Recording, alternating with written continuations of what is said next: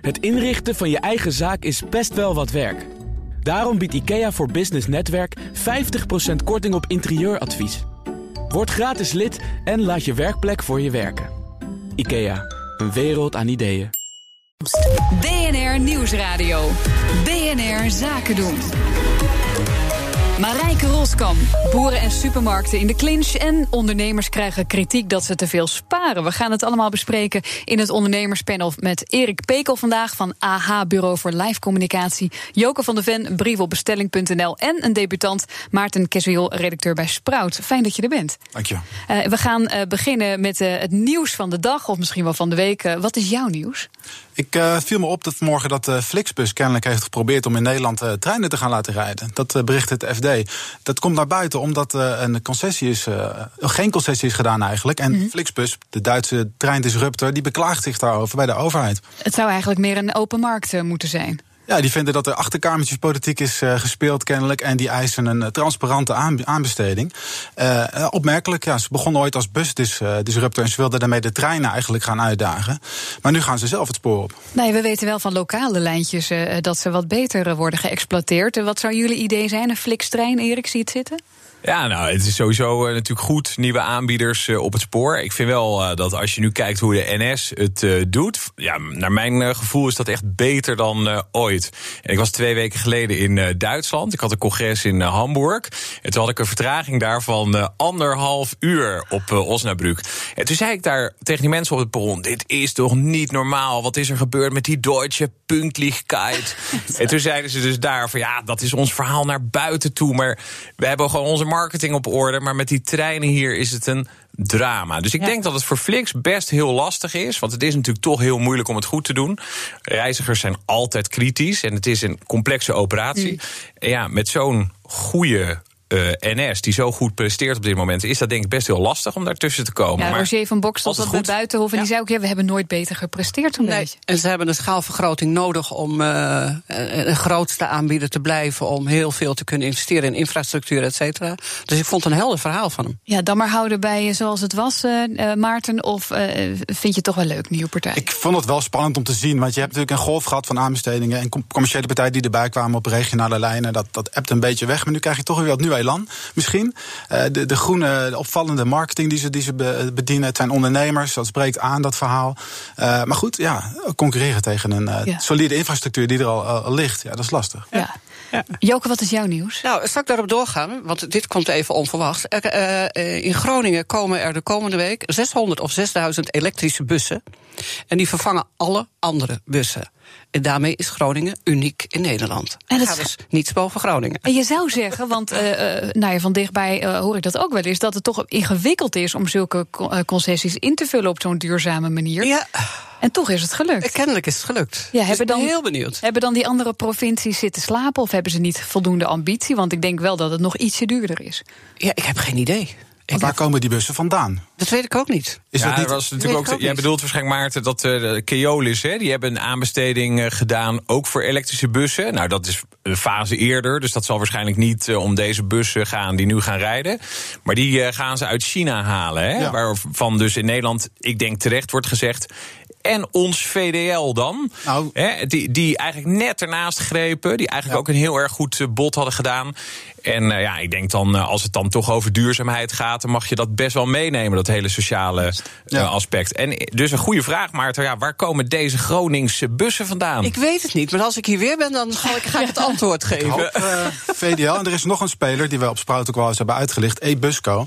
Ja. Die zit in het zuiden van het land, maken hele high-tech bussen op basis van fokkertechniek. En ja, die zouden het eigenlijk moeten krijgen, maar die kunnen waarschijnlijk dat soort aantallen gewoon nog niet aan. Maar het zal ook misschien niet alleen de bus zelf zijn, maar ook het hele systeem natuurlijk wel wat je moet aanleggen. Ja. Het, het, opladen, het, ja. ik heb nog niks gezien qua infrastructuur in de stad, dus ik ben echt stom verbaasd nog. Ja, nou ja, het wordt terug. Ja, volgens mij zit daar wel iemand van GroenLinks ook in het uh, college, dus misschien hebben ze er goed op gepusht. Nou ja, het is natuurlijk uh, altijd van huis uit een, een links college. Het is een linkse stad, altijd geweest. En hebben heel sterk ingestoken op duurzaamheid. En doen dat nu goed. Het is ook de eerste stad eigenlijk waar nou een gif is voor de, voor de, voor de automobilist. Ja, er zijn ook wel veel uh, faciliteiten voor, weet ik. Ook vanuit uh, Europees verband. Dus je hebt uh, bijvoorbeeld Interreg, zo'n heel groot ja. subsidieprogramma... waarvan ze kijken dus juist ja, op meerdere terreinen, maar één daarvan is dus mobiliteit in steden. Van hoe kunnen we dit soort initiatieven ook uitwisselen tussen verschillende Europese steden. Dus bijvoorbeeld Groningen met San Sebastian. Hè, Dat je niet zelf het wiel uitvindt, maar dat je kijkt hoe je dat kunt versterken. En daar is dus ook gewoon geld voor. En ik denk uh, dat dat, ja, dat zie je gewoon veel met vooruitgang. Dat uh, het strand in eerste instantie op geld. En gelukkig is er nu een soort momentum op het gebied van uh, duurzaamheid. Dat er allemaal dingen die eerst niet konden opeens wel kunnen. kunnen. Maar dus eigenlijk ook wel weer het voordeel voor hen dan dus... dat ze op die manier het zo kunnen insteken over zoveel jaar... dan zal het gewoon normaal zijn. Dan zullen burgers er ook waarschijnlijk uh, naar vragen... en ook uh, stemmen met de voet in die zin. Ja, echt heel tof. Ik denk wel opeens eventjes ook aan Amersfoort. Want daar hebben ze volgens ja. mij al heel lang elektrische bussen. Ja. Want daar hebben ze dat gekke bovenleiding net klopt. door het hele centrum uh, lopen. Dus die bussen die zijn dan ook verbonden met dat net. Hè. Het zijn eigenlijk een soort trams, Arnhem. maar dan zonder rails. Ja. Nou, volgens mij moet dat dan uh, goed gaan lukken. Wat is, oh, Arnhem, ja, ja. wat is jouw nieuws? Nou ja, ik, ik had moeite, want er was zoveel. Je hebt echt vijf briefjes week. op het bureau ja, liggen maar hier. Maak je geen zorgen Mag ik er eentje hoor. uitkiezen? Wat, wat nee, gaan we doen? Nee. nee, het gaat echt om die uh, klimaattop. Het is vandaag uh, vrijdag de 13e. En uh, die hebben ze gekozen om naar buiten te komen met een slotverklaring. En bij voorbaat is er al veel kritiek over de hele gang van zaken. En over al het gesteggel. Maar tegelijkertijd, ik denk ook dat het goed is hè, om heel kritisch te kijken naar zo'n klimaattop. Maar ja, ik vind het ook wel heel erg goed nieuws. Het is fantastisch. Als je kijkt dus ook naar dat uh, momentum, dat er zoveel aandacht twee weken lang is uh, voor plannen om toch tot elkaar te komen, om toch uh, stappen te zetten die echt nodig zijn. En nog een keer die urgentie te benadrukken van hoe slecht we er voor staan, hoe waardeloos die plaatjes eruit zien. En ja, ook met zo'n Green Deal, hè, hoe, hoe, onmogelijk dat ook lijkt om dat voor elkaar te krijgen. Het is wel die kritiek gaaf. was er wel, hè? Van ja, Tuurlijk. moet je, het op, moet je zo'n grote broek aantrekken? Maar wel fantastisch dat dit wel gewoon uh, met in alle ernst gewoon naar buiten wordt gebracht. Ja. En dan ja. namens gewoon. Uh, en niet als een Europa. soort uh, droom van een brainstormclub, zeg maar. Maar echt als een. Ja, vind ik wel op... kicken. Ja. ja. Nou, tijd. Ik hoorde pas van iemand die onderzoek doet naar de algen op de.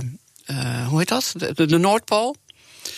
En daar gaat het zo snel. Ja, dat kan, wij binnen ja. 30 jaar hebben wij, staan we alle huizen hier in Nederland onder water. En het lijkt alsof we het niet willen weten of we het niet willen horen. Maar het gaat veel sneller dan we allemaal verwacht hadden. Ik ook hoor.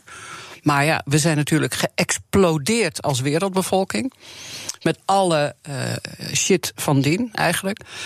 Dus het is heel spannend wat, uh, wat we nog kunnen redden. Van ja, volgens mij, als je zo de plaatjes inderdaad uh, bekijkt, uh, die wetenschappers zijn het absoluut eens. En ik zag gisteren ook zo'n grafiek, alleen al de hitteslachtoffers. Gewoon daadwerkelijk wat je als mens aan kunt als, uh, als het gaat om hitte. Ja, als we dan tientallen jaren verder zijn, dan gaan mensen werkelijk vluchten. Niet omdat het water alleen al stijgt, maar gewoon omdat je daar fysiek niet, tegen, niet tegen kunt. Ja. ja, dat is de grote vrees. Hè, dat er dus hele gebieden ontstaan, eigenlijk tussen zo rond de Evenaar, waar het gewoon meerdere weken per jaar meer dan 50 graden gaat zijn. Waar gewoon mensen niet kunnen, kunnen leven. En dan ja.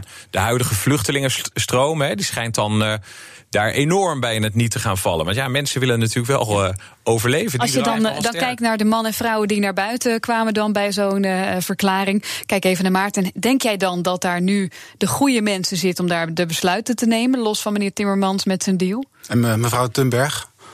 Ja, precies. ja, nee, dat de juiste mensen. Misschien moeten ze wat ondernemersbloed nog in, uh, in gieten. Dan, uh, en iets minder politiek. Maar uh, ja, ik, ik heb me niet, eerlijk gezegd niet heel erg in het klimaat verdiept vandaag. Maar ik. ik hoop dat er snel wordt doorgezet. Ja, en dan kunnen ook dat soort ondernemingen als die elektrische bussen gewoon meer urgentie ja. krijgen en meer voorrang krijgen. Ik hoorde mooi uh, van Timmermans dat hij uh, van de week in een uh, klas was in België om de kinderen te bedanken omdat zij de straat op zijn gegaan. Dus laten we zeggen, de druk van onderop en de nieuwe generatie is groot. Heel kort nog voor de reclame. Het is de week geworden ook van ondernemers die procederen. Melkveehouders slepen Rabobank voor de rechter. Supermarkten die gaan naar de rechter om te vinden dat boeren niet gaan protesteren. En andere organisaties die hebben dan weer klachten over RIVM. Ontzettend veel wordt er dus geprocedeerd. Is dat uh, terecht, Erik? Nou ja, ik vind altijd dat je moet kijken dat je er vooral uitkomt. Hè. Er wordt heel veel uh, gemiscommuniceerd en, en, mensen worden heel erg boos doordat er veel onpersoonlijke communicatie is. Hè. Dus mensen, ik, ik zeg altijd van ga bij elkaar langs, bel elkaar in plaats van het oeverloze mailen. Dat scheelt al heel erg. Maar op het moment dat je geen reactie meer krijgt, op het moment dat mensen informatie achter gaan houden, ja, dan is het best wel logisch dat je ja, voor zo'n uitweg uh, kiest als er geen andere uitweg uh, meer is. En uh, ja, ik heb gewoon het idee wel dat, dat er meer ge geprocedeerd wordt. omdat mensen toch steeds meer op hun eigen eilandje zitten. Ja. Minder openstaan, minder goed luisteren naar argumenten van anderen. En minder goed in staat zijn om zich in te leven. En ja, dus nogmaals de oproep: zoek elkaar gewoon op. Want dat is jammer voor de hele uh, advocatenbusiness. Maar ik denk ontzettend goed uh, voor, voor de mensheid. Het is gewoon ah, heel lekker als je eruit komt. Ik denk als MKB'er is het soms ook niet uh, te doen, Maarten. Nou, je kan inderdaad beter. Het is nu bijna kersttijd inderdaad. Dus de, de, supermarkten dreigen nu niet meer bevoorraad te gaan worden. Ja, dat is jammer. Ga lekker rond de kerst wel bij elkaar zitten inderdaad. En uh, pak dat overleg. Ik denk dat het ook het gewoon heel urgent is. Waar volgende week zou die staking of die, die blokkades zouden al worden gaan opgeworpen. Ja, daar zit er wel wat druk achter natuurlijk. Ik snap wel dat je dan, uh, dat je dan probeert dat te voorkomen. Dat je business niet in de soep loopt. Nee, is het voor... wel gaaf ook hoor trouwens. Dat die supermarkten dus samen zeiden. Ik vind het best wel visionair. Dat je gewoon zegt van hé, hey, voordat het escaleert... Hè, om te voorkomen dat het escaleert... gaan we nu alvast ze voor de rechter uh, slepen. En eerst hebben ze dat als Juist. pressiemiddel gebruikt. Hè. Ze zeiden van als we niet de garantie hebben... dat jullie die actie afblazen, dan gaan we naar de rechter. Nou, ze kregen gewoon helemaal geen uh, reactie. Maar ik dacht ook nog waarom, eh, heel goed. waarom gaan ze niet voor de deur liggen bij hun eigen coöperatie? Want die laat dit ook gebeuren, dit hele systeem natuurlijk. Maar goed, het is me net bij wie je gaat melden. Zometeen praten we verder. Nieuwsradio. BNR Zaken doen. In de studio het ondernemerspanel. En dat zijn uh, Maarten Keswiel, uh, redacteur bij Sprout. Erik Pekel van AH, Bureau voor Lijfcommunicatie. En Joke van de Ven, brief op bestelling.nl. En uh, zij gaan reageren op het volgende bericht. MKB Nederland reageert als door een wesp gestoken op een rapport van de Nederlandse Bank. zij concluderen daar dat het MKB te veel oppot en verantwoordelijk is, jawel, voor een spaaroverschot. vooral MKB-bedrijven zijn zuinig. In 2017 potten ze maar liefst 90% van de winst op. Jacco Vonhof van MKB zegt: ja, wij vinden het juist goed dat ondernemers hun eigen vermogen hebben versterkt. Hoe zien jullie dat, Joke? Uh, ik denk dat het heel begrijpelijk is van MKB'ers. Uh, er zijn verschillende maatregelen genomen. De crisis in 2008 en daarop volgend hebben heel veel MKB'ers uh, aan de lijve ondervonden. En die hebben gedacht dat nooit meer. Want ze werden op enig moment zelfs afhankelijk van banken. Nou, als je als ondernemer afhankelijk wordt van banken, schud het er maar. Je moet er niet aan denken. En ik denk ook dat er steeds meer regelgeving op hen en afkomt. En toen kwam de regelgeving ja. van zieke werknemers. Precies. Moet je een jaar of twee jaar doorbetalen. Voor een gewone MKB'er is dat niet te doen. Dus de MKB'er heeft gedacht, uh, fuck you overheid. Uh, ik zorg er zelf wel voor. Ik zorg zo, dat ik mijn eigen, zo, zo. Mijn eigen middelen heb. Heb je het zelf ook last van gehad? Ja, natuurlijk. Ja. ja. Elke ondernemer heeft daar last van gehad. Ja, dus elke inderdaad... ondernemer zorgt ervoor dat hij, tenminste, eh, eh, als MKB'er zorg je ervoor dat je in ieder geval voldoende spek op de botten hebt om uh, niet meteen even. Er zijn toch zoveel alternatieve financieringsmogelijkheden bijgekomen? Crowdfunding. Uh... Ja, maar zo'n zieke werknemer, ik geloof niet dat je daar gouden handjes voor op elkaar nee. krijgt als je leningen. Nee. Want dat zijn vooral voor inderdaad. Forse bedragen. Uh, drie, vier, vijf personeel. Ja, ja. Hoe zie jij dat, Maarten? Zouden ondernemers wat meer mogen uitgeven en investeren? Nou, ik begrijp het wel volledig dat ze zich wel, wat indekken, ja. Want de economische groei blijft ook nog niet vijf, tien jaar doorgaan. Je wil op een gegeven moment ook uh, kunnen bufferen. Uh, ja, ik snap het volledig dat er uh, wat gespaard wordt. Uh, voor start-ups is het misschien wel een luxe probleem, maar dan wil je gewoon groeikapitaal hebben Juist. en dat weer gaan spenderen. Natuurlijk, het is beter als mensen het wel uitgeven op de plek uh, waar je kan groeien. Ja, voor de economie, Erik, uh, ondernemers moeten al veel fixen. mensen met een afstand tot de arbeidsmarkt. We moeten duurzaam gaan produceren en we moeten ook nog eens even geld gaan uitgeven. Wat vind jij? Ja, nou, ik, ik denk dat het er, er ook vooral in zit dat alle MKB'ers op één hoop worden gegooid. Hè? Dus kijk, als je het hebt, dus de Nederlandse bank die geeft ook aan van nou uh, MKB is in handen van private ondernemers. En die potten dus ook op, omdat ze heel vaak hun eigen pensioen ook opbouwen Mhm. in die BV. Dus eh, dat is ook wat de, de Nederlandse bank ook aangeeft. Weet je, een BV biedt mogelijkheden voor belastingplanning. Nou, en eh, dat is denk ik ook waarom MKB Nederland er terecht fel op reageert. Omdat ze bang zijn dat dit stuk gebruikt gaat worden. Mhm. Om, dat, om die mogelijkheden verder eh, in te perken. En die wat- worden al behoorlijk ingeperkt. Wat vind je dan van zo'n reactie van de Nederlandse bank? Want eh, wat je zegt, mensen zijn juist meer bezig met die financiële planning. En dan krijg je dit om de oren. Nou, ik denk dus dat de Nederlandse bank die zegt... er zijn twee dingen die onvoldoende met die winst gebeuren. Aan de ene kant investeren... en aan de andere kant uitdelen in de vorm van eh, bonussen.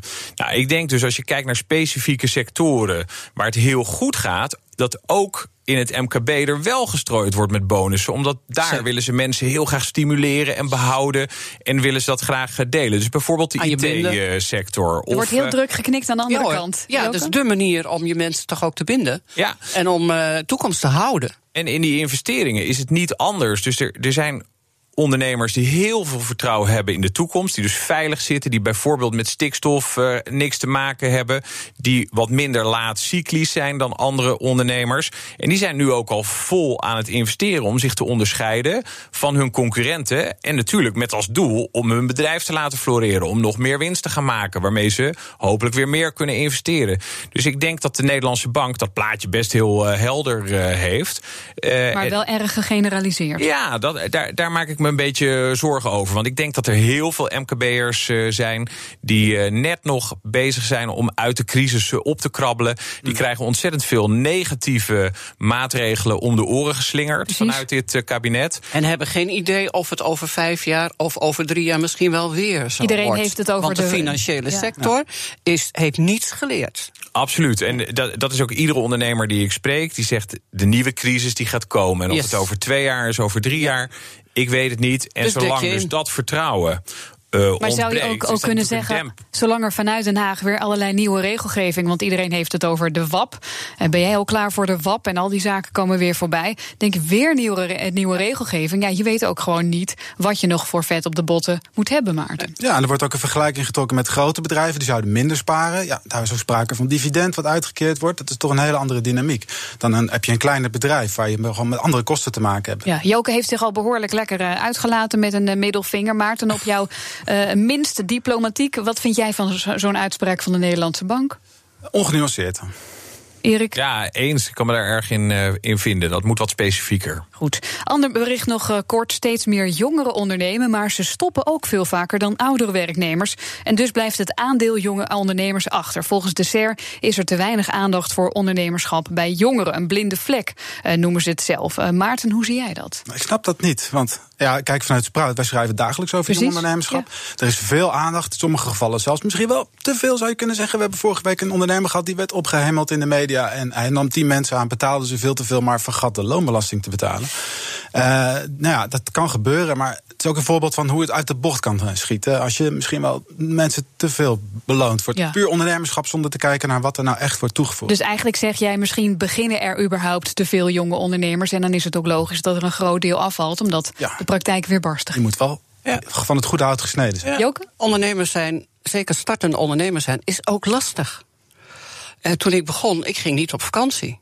Want ik wilde in ieder geval zorgen dat die trein bleef draaien. Ja. En dat ik zo min mogelijk uitgaven had. En dat ik zoveel mogelijk kon, kon investeren in het bedrijf. En dat betekent geen eh, etentjes buiten de deur. Nou, noem alles maar op. Als ik kijk hoe het tegenwoordig geleefd wordt door heel veel jongeren. eh, de terrassen zitten vol. Eh, ze Ja, eten van alles buiten de deur. Ondernemers eten van alles buiten, de deur. Ze willen al geld voordat ze iets hebben eh, gepresteerd. Maarten staat te knikken, ja, dat, herkenbaar. dat is een, een, een houding van een jongere groep ondernemers die ik niet zo goed begrijp. Erik. Waarvan ik denk dat ze te weinig power en doorzettingsvermogen hebben en te weinig tegenslagen Ik probeer gehad. jouw gezicht te lezen. Nou ja, want ja, maar ik, ik bouw hierop voor. Dus ik wil niet zeggen dat ik het me er helemaal in kan eh, vinden. Deels wel. Ik denk vooral dus dat eh, de focus op start-ups die hip zijn en onderscheidend en uniek... dat die ervoor zorgen dat veel jonge starters ook weer afhaken. Dus dat noemen ze de Valley of Death.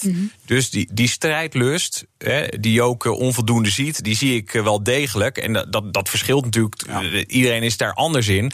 Maar als je keihard onderuit gaat. Omdat jouw app niet de nieuwe top-app is waar iedereen op zit te wachten. En je hebt er heel veel in geïnvesteerd, heel hard voor gewerkt. Bij iedereen lopen leuren, iedereen lopen overtuigen, allemaal problemen gefixt. Dan is het gewoon niet aantrekkelijk om door te gaan nadat je geflopt bent. En als je dan een mooie job uh, aangeboden krijgt, mm. dan blijf je dat gewoon doen. Nou, wordt het te sexy gepresenteerd? Want we lezen mm. inderdaad wat Maarten nou, ook wel zegt, overal over start-ups. Er wordt gezegd dat er meer jongeren zijn die stoppen dan oudere ondernemers. Mm. Dat is natuurlijk eigenlijk heel logisch, want dit is een groep die meer risico's neemt. Ja, precies. Het is ook een statussymbool bijna. Nou, Jonge wat ondernemers. Ik, wat ik denk is dat de focus wel heel erg is op hele unieke ondernemingen. Terwijl als je kijkt naar de successen van jonge ondernemers die het echt goed doen, die bouwen gewoon voort op wat er al was. Dus Coolblue is gewoon een elektronica winkel. Young Capital is een uitzendbureau. Takeaway bezorgt maaltijden. Dat gebeurde allemaal al lang. Zij doen het net wat anders. Dus wacht niet tot dat echte gat in de markt.